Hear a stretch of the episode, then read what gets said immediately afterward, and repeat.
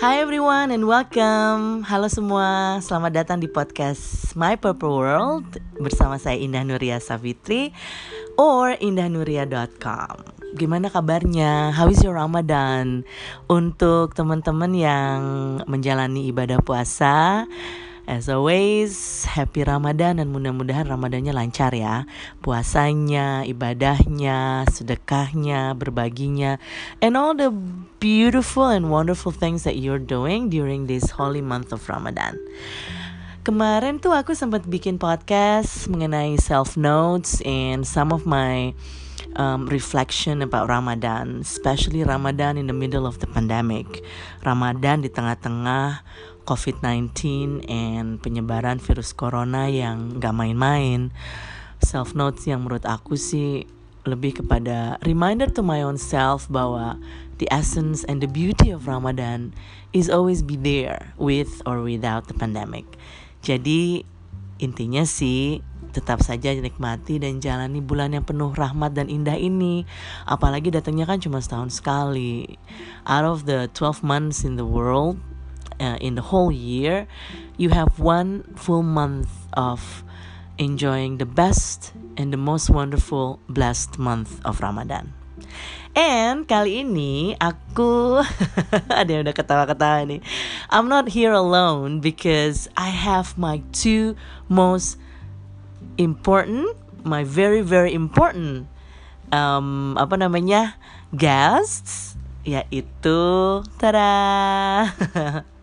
ada dua anakku yang tersayang. Ada Bo, Frakarsa, and Obi. Well, that's not their real names because those are like their nicknames. Karena kali ini kita mau ngobrolin puasa uh, pengalaman Ramadan waktu kita di luar negeri. Jadi um, apa namanya aku sempat share kan waktu di sesi kenalan bahwa I work for the Ministry of Foreign Affairs. Jadi ada masa di mana aku dan keluarga itu mengalami penempatan atau penugasan di luar negeri. So far saya sudah menjalani dua penempatan. Penempatan pertama di Geneva, Switzerland untuk perutusan tetap Republik Indonesia untuk PBB. Waktu itu kita di sana tahun 2000 uh, what what's the year Bang? 2007 ya. 2007 to 2011 jadi hampir 4 tahun. Terus kembali ke Jakarta 2011 sampai 2014 dan 2014 kami berangkat lagi ke New York City. Kali ini penempatan kedua untuk uh, eh, PTRI atau Perutusan Tetap Republik Indonesia untuk PBB di New York. Jadi as you know, I always bring my family, that uh, my husband, my kids um, selama penempatan dan karena penempatannya itu lumayan lama, antara tiga setengah tahun sampai empat tahun untuk penempatan pertama dan bahkan empat tahun setengah tuh waktu di New York karena memang um, dua kali penempatan tuh aku sempat diperpanjang gitu. Jadi kita juga mengalami atau menjalani Ramadan waktu di luar negeri. Kayak apa sih ceritanya? Nah, aku tuh sebenarnya pengen banget share sama temen-temen cerita-cerita kita waktu di sana. Walaupun kita sih sudah kembali ke Jakarta dari uh, apa summer tahun 2018 ya, uh, Agustus 2018 kita semua udah di Jakarta. Tapi kayaknya masih ingat gitu cerita-cerita waktu kita masih di New York.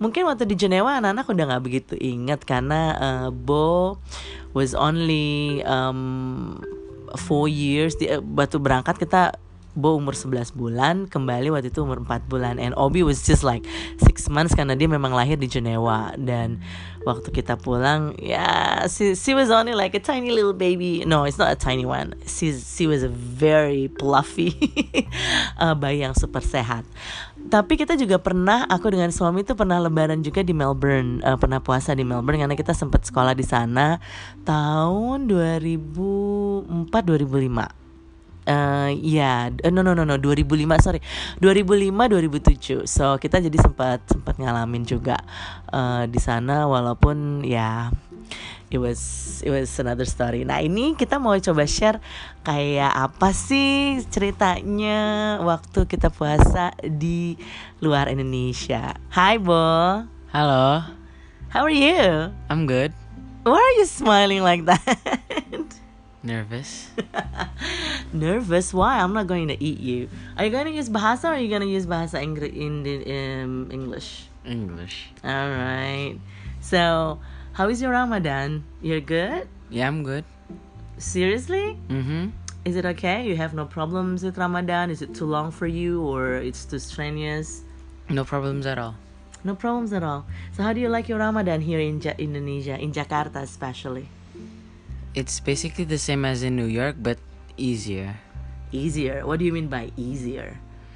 Because in America, uh, in public schools especially, uh, not that many people fast. During that ah, that's true because not many of the students are Muslims, right? Yeah, Yeah. But were you fasting when you were in New York? I was. How old are you at that time? Waktu itu umur berapa ya, Bang? Probably 11, uh, no. 11, 12, no, no, no, it was like 9, Mm-hmm. 10, yeah, 9 to 9 to 13, right? Yeah. Right. And what level are you at that time? Kelas berapa waktu itu ya, Bang? Kelas 3 sampai 6. Iya ya, kelas 3 sampai kelas 6. Iya. Terus cerita dong, how how do you feel like waking up early in the morning for sahur? Yeah, it feels tiring, especially when you uh, fall asleep late at night. Yeah, and and remember we had that during summer, right? Kita tuh hampir puasa tuh empat lima kali. Um, we were so blessed kita ngalamin Ramadan tuh five times, right, in New York, Mm-hmm. and that was like during summer, right? Yeah. Yeah, and like was it long hours? Yeah, it was long. And do you keep the uh, fasting? Um, I mean, like for the whole day, or you miss some of the days? I miss some of the days, of course. Why is that? Sometimes it gets too hot and I get thirsty. For but I- sure. yeah, but other ti- but other times I could bear it. hmm So, um, when you go to school and you were fasting, did you tell your friends and your teacher that you were fasting? Yeah, I did. And what did they do? What did they say? They just told the other students to like not tease us about fasting like uh, I don't know, something like wave food in front of our faces, I guess. Mm-hmm. But you still have your lunch break, right? Yeah. And then, and how do you manage that? What do you do when they have lunch break? Oh, me me and my friends just talk. Okay, but you do have other friends in this in the classroom who were fasting, right? Other Muslim friends. Yeah. Okay, so do you do they fast as well? Yeah, they also fast. Do, do you remember the names? Uh, I only remember one name, Yeah, tell me. Tasnim or something. Oh, Tasnim. Yeah, yeah, yeah, the girl. The la- yeah, yeah. She's, she's, she, um, I forgot. Is she Bangladeshi or Yeah. Pakistani? Bangladeshi, right? Yeah. yeah, yeah, yeah. I remember her.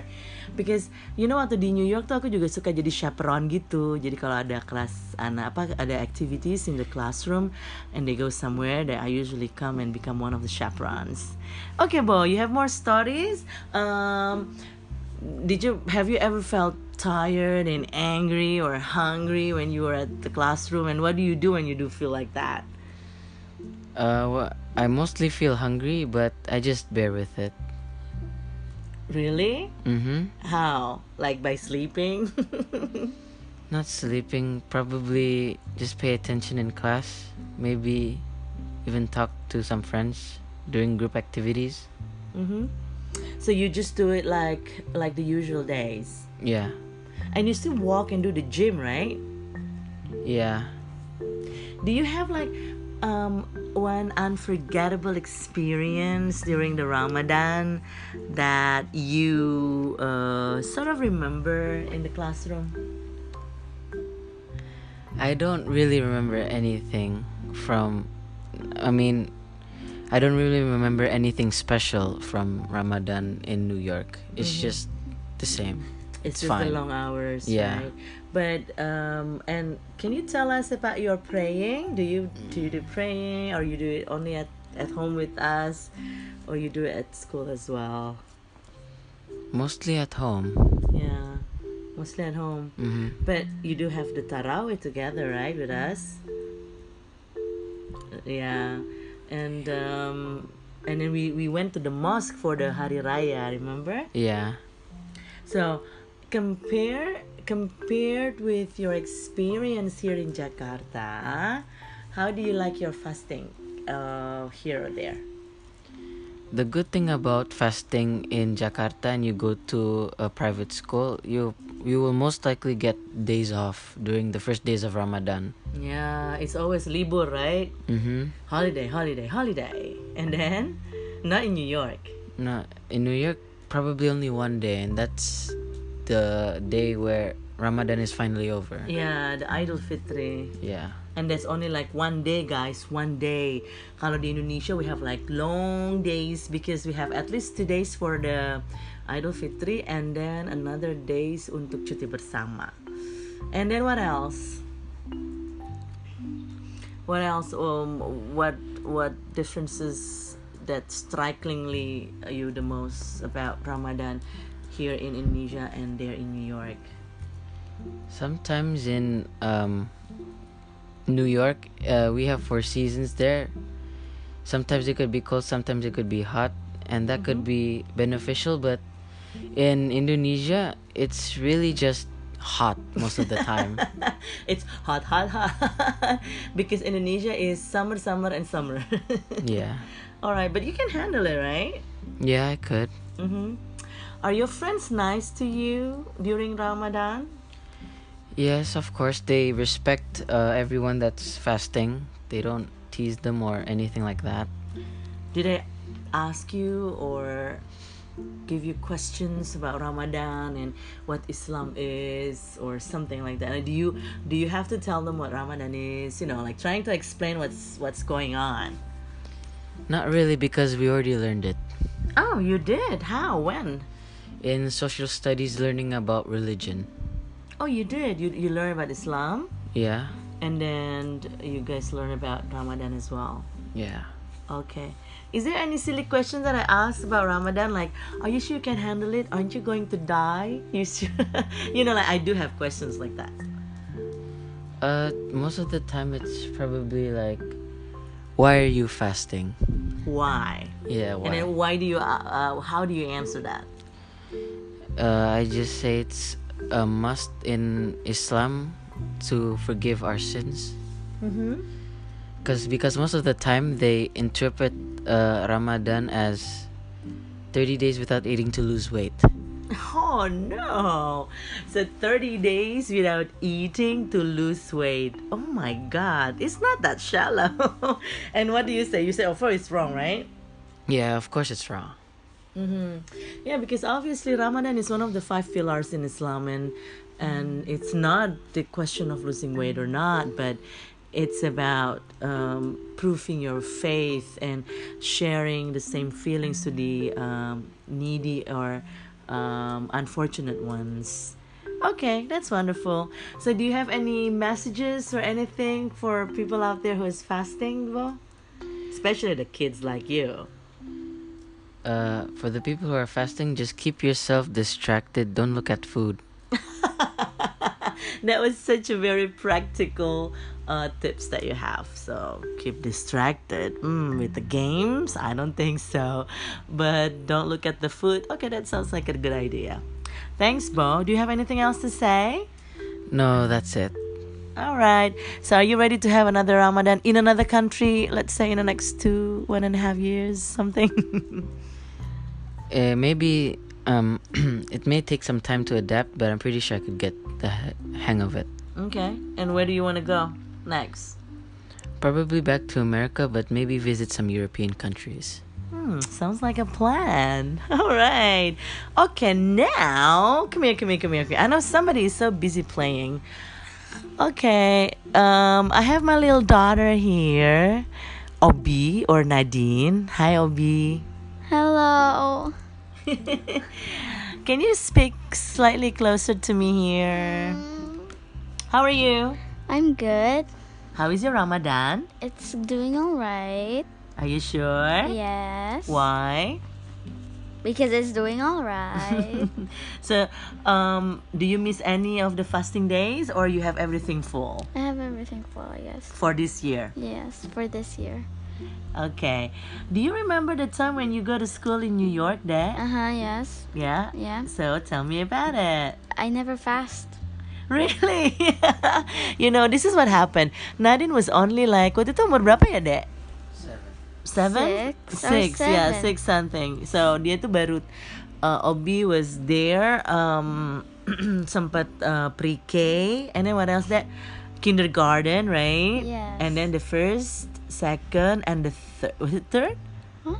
no It was second and third grade. yeah first and second eh second and third no third grade is here right yeah Uh, second. Just second. Just second. So waktu itu Obi tuh baru uh, dari TK, SD kelas 1 dan SD kelas 2 Waktu TK puasa nggak dek? no. No, yeah, you're just too small right? Tiny tiny little girl And then you start fasting kelas berapa? Remember? At two, but then uh. No, bukan kelas 2 dong, itu kelas 1 Kelas 1? oh, yeah, yeah, yeah. Kelas First, 1 first grade and second grade, Yeah. but And? I never actually uh, managed to complete those. Mhm. Because Most of the time, I was actually really hungry. But you always join us in sahur, right? Yeah. Yes. Yeah, he's, I- he's just trying to remember. Although I do remember that uh, one of the days uh, you didn't wake us up for sahur. Yeah, there are times when we didn't really wake the the kids because either it's too early, like two thirty, and um, we know. But I mean, most of the time they are actually joining us. They were actually joining us for saum or sahur. So there, um, how do you how do you like having your Ramadan there and here? Can you compare your experience? I mean, like here is more easy. Here is easier. Yeah, I guess. Why? I mean, like I completed it for like one day. I mean, Okay. Uh, Yeah, you completed it here, and it's not a problem, right? Yeah. And why it's not a problem? Because it's um, fast, or or because it's like short hours. Short hours, I guess. Yeah, compared to New York, where remember that we we stopped eating at three something, three thirty or something, Yeah. and then we break the fasting probably like seven thirty or almost eight o'clock, right? yes. And that is long hours. Mm-hmm. Mhm. You have any tips and tricks to stay fresh and complete your puasa in a day? Uh, not really. But what did you do during the Ramadan days? Most of the time, I just play. that is such an honest answer. Yeah, well, we do have some pesantren, we do have some activities, but most of the time it's playing, guys, playing. But seriously, that um, if you stop playing, do you think you can handle the puasa? No, I don't think so. Why? I'll be way too distracted. Yeah, you need ways to distract yourself from what? From getting hungry, from getting hungry. Okay, so how do you like your Ramadan? Is it a good one? Yes. Mm-hmm. And do you wish that you can finish everything? Yeah. And you think you can finish that? It depends. It depends on what? My hunger. Your hunger. Yes. Okay, but this is like what eleventh day already, and you managed to go to do everything fully. Like last year, remember? Yes. So I plan to do it like last year. okay, cool. Thank you so much, Dad. What do you You're say? welcome. Uh, Happy Ramadan. happy Ramadan. Yes. Alright, jadi itu cerita eh, ceritanya em, apa namanya wawancara dengan anak-anak ini. Eh, jadi Bo dengan Obi, my kids, they eh, they've been introduced to Ramadan since they were quite young. Waktu itu sih eh, kita sudah kenalin sejak TK. Cuman memang of course because of their young age kan dan um, the length of puasa yang agak panjang jadi it's not always that easy to have that for them. So what we do is that biasanya waktu kita perkenalkan tuh mereka udah ikutan bangun sahur pagi-pagi, terus um, ikut sholat, ikut siapin uh, buka puasa juga kalau sore. Tapi uh, there are times di mana waktu-waktu puasa itu panjang banget, jadi anak-anak cuman setengah hari atau kadang malah cuman sampai jam 11. You know, I think every kids are uh, going through such process um, of learning about Ramadan. Dan tentu saja Ramadan itu kan bukan cuman puasa aja, it goes beyond that karena the essence and the beauty of it is about how you control yourself and how you you um, um, try to to make good deeds and share happiness and um, kindness to others as well during the holy Ramadan, and um, that's what we are trying to do as well. Sebenarnya waktu di New York tuh kita juga ada masjid Indonesia, cuman tempatnya nggak nggak deket-deket amat sih. Actually, it takes like a while to go there.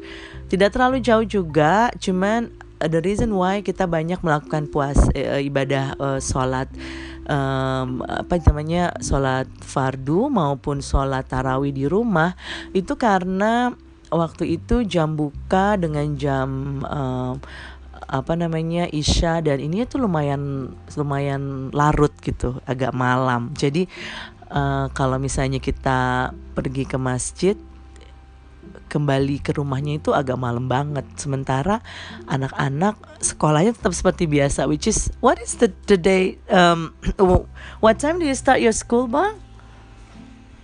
Yes, uh, some somewhere between eight.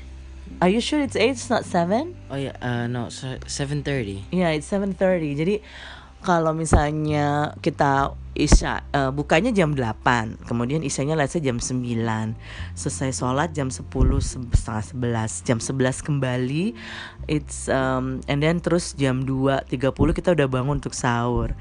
I think we did try that and then it was a bit burdensome for the kids. Mungkin kalau kalau kita yang um, dewasa sih we can handle that.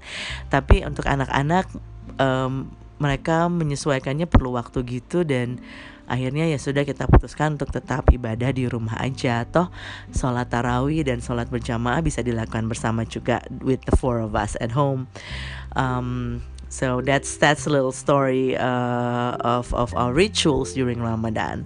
Terus apa lagi ya bang? Oh how about the Lebaran Day? Oh, it's a Lebaran Day. Lebaran juga seru ya because usually we have like open house in in my office in in the Indonesian mission uh, to the United Nations in New York sama di KJRI in Consulate General dan itu ramenya seru banget. Kayaknya nanti kita bahas di podcast sendiri deh supaya uh, bisa lebih details. So uh, itu tadi cerita seperti apa Ramadan pada saat kita sedang tidak ada di Indonesia. Ada dua tempat ya memang yang kita share walaupun mostly sebab New York karena pada saat di New York lah anak-anak punya pengalaman yang berkesan dan punya memori mengenai Ramadan itu sendiri. Waktu di Jenewa, Bo was still very young dan pasti banyak gak ingetnya deh walaupun dia suka ikut kita uh, sholat tarawih di kantor. Oh, kalau waktu di Jenewa itu memang agak berbeda dengan di New York karena kan Jenewa itu uh, warga Indonesia-nya lebih ke, lebih sedikit ya, lebih lebih lebih um, lebih ya benar lebih sedikit gitu. Jadi malah justru kita lebih akrab dan pada saat di Jenewa kita punya uh, semacam uh, perkumpulan pengajian gitu di pengajian untuk uh, warga Indonesia dan memang sih anggotanya nggak terlalu banyak karena memang kita juga probably it's around like 100 families gitu di Jenewa dan sekitarnya. Nah, pada saat kita di Jenewa, kita setiap bulan puasa atau Ramadan itu kita memanggil ustadz orang Indonesia yang berasal dari Kairo. Usually mereka yang sedang belajar atau lulusan uh, Al Azhar Kairo. Jadi setiap awal Ramadan sampai hari terakhir Lebaran itu kita selalu didampingi oleh ustadz-ustadz ini. Dan karena ada ustadz khusus yang datang saat Ramadan, hampir setiap hari kita punya kegiatan, baik itu pengajian uh, atau nama apa namanya diskusi, uh, tarawih dan semua dilakukan di kantor. Dan memang ya compare to New York. Um, mungkin karena kita orangnya lebih sedikit kali waktu di Jenewa. Jadi hampir setiap hari itu kita uh, datang ke kantor untuk tarawih di sana. Dan well uh, Geneva is a small city, although it's a metropolitan juga gitu ya. Tapi um, traveling and then commuting and then traffic was not that bad. Jadi it's so easy to go uh, back and forth from the house to the office, which only takes us around 10 minutes. Kalau di New York kan at least 30-40 minutes dengan kendaraan dan classic problems is always be the parking karena parkirnya tuh susah banget. But that is not the case in Geneva karena kita punya kantor yang yang lumayan besar dan punya parking lot. Jadi hampir setiap hari waktu itu uh, kita ikut uh, tarawih dan juga ikut kultum, ikut buruka uh, puasa bersama di uh, PTRI Jenewa. Aduh, I miss that times, you know, like um, when we were gathering and everything. Terus uh, pada saat Lebaran pun kita kumpul bersama, kita membuka apa namanya um, hall gitu ya, ruangan besar untuk semua orang yang ingin sholat bersama di situ. Dan bukan cuma orang Indonesia aja loh, tapi ada beberapa juga diplomat asing yang beragama Islam yang ikut sholat bersama kita. Karena waktu di Jenewa, seingat aku tuh masjidnya cuma satu. There is only like one mosque in the city of Geneva. So sering kali bahkan waktu sholat Jumat pun kata suamiku uh, tempatnya bisa jadi nggak cukup, apalagi pada saat Idul Fitri. So most of us Indonesians we are doing it in our office di PTRI Geneva dan dan kita sholat bareng-bareng di situ. Oh, that is such a sweet memories. Dan bener deh, pengalaman kami Ramadan di beberapa tempat atau beberapa negara itu memang menyenangkan. Tidak memang pastinya selalu berbeda ya karena kalau di Indonesia kan kita mayoritas nih most of us are Muslims here in Indonesia jadi hampir semuanya puasa kemudian saling menghormati dan kita tuh dari lahir sudah tahu gitu kira-kira rituals adat adat dan kebiasaan saat Ramadan. But when you are abroad, when you live in another country where being Muslims is some kind of a minority in the community, bahwa kita tuh bukan yang mayoritas, itu ah, feelnya memang lain gitu. Something simple adalah kita nggak nggak misalnya nggak mendengar azan langsung dari masjid, right bang? We have never heard the uh, azan, right? From the mosque. Uh, jadi kalau di New York waktu itu uh, azannya bisa kedengeran uh, di dalam masjid aja, tapi tidak diarahkan keluar.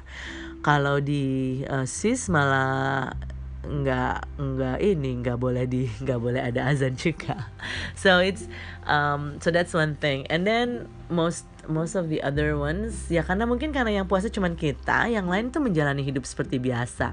Jadi uh, jadwal kerja biasa commuting seperti biasa mereka makan minum juga biasa aja gitu. Walaupun kalau misalnya kita bilang kita puasa they will most of them understand that and respect us as well seperti cerita buat tadi tapi feelnya memang lain gitu loh. Uh, ya sebelum pandemik ini kan kita biasanya kan kalau puasa tuh uh, ada ritual-ritualnya gitulah ya. Bukan ritual maksudnya ada kebiasaan kayak berburu takjil lah atau buka bersama atau kumpul bareng keluarga. Belum lagi mudik dan lebaran yang seru gitu. Tapi kalau lagi di luar negeri ya kita hanya bisa merasakan itu kalau lagi kumpul bareng-bareng dengan orang Indonesia. Tapi again as I said um, pengalaman-pengalaman itu sangat menyenangkan gitu. Ke waktu di New York pun kita suka ikut buka bersama di masjid terutama kalau harinya uh, weekend ya pada saat anak-anak nggak harus sekolah. Jadi kita nggak apa-apa stay agak malam di masjid sampai uh, uh, apa namanya sampai dengan selesai tarawih. Dan pada saat buka puasa bersama itu terasa sekali uh, kekeluargaannya orang-orang Indonesia dan warga-warga Muslim di sekitar kita juga. Masjid Indonesia di di New York uh, itu lumayan besar uh, dan jemaahnya juga banyak. Jemaahnya bukan hanya orang Indonesia aja, tapi juga banyak orang-orang uh, non Indonesia Muslim lainnya. Ada dari Bangladesh yang saya pernah ketemu ya, banyak juga dari Mesir, ada dari Yaman. Um, I think a few coming from the European countries juga gitu loh, kayak saya pernah ketemu dengan orang dari Azerbaijan uh, dengan Bosnia Herzegovina and they're Muslims and then they shared uh, apa namanya buka puasa bersama dengan kita di masjid itu. Alrighty, ah kalau cerita soal kenangan Ramadan memang seru and it's really warm. It's it's really warming up my heart gitu kayaknya apa uh, bikin hati kita tuh hangat gitu.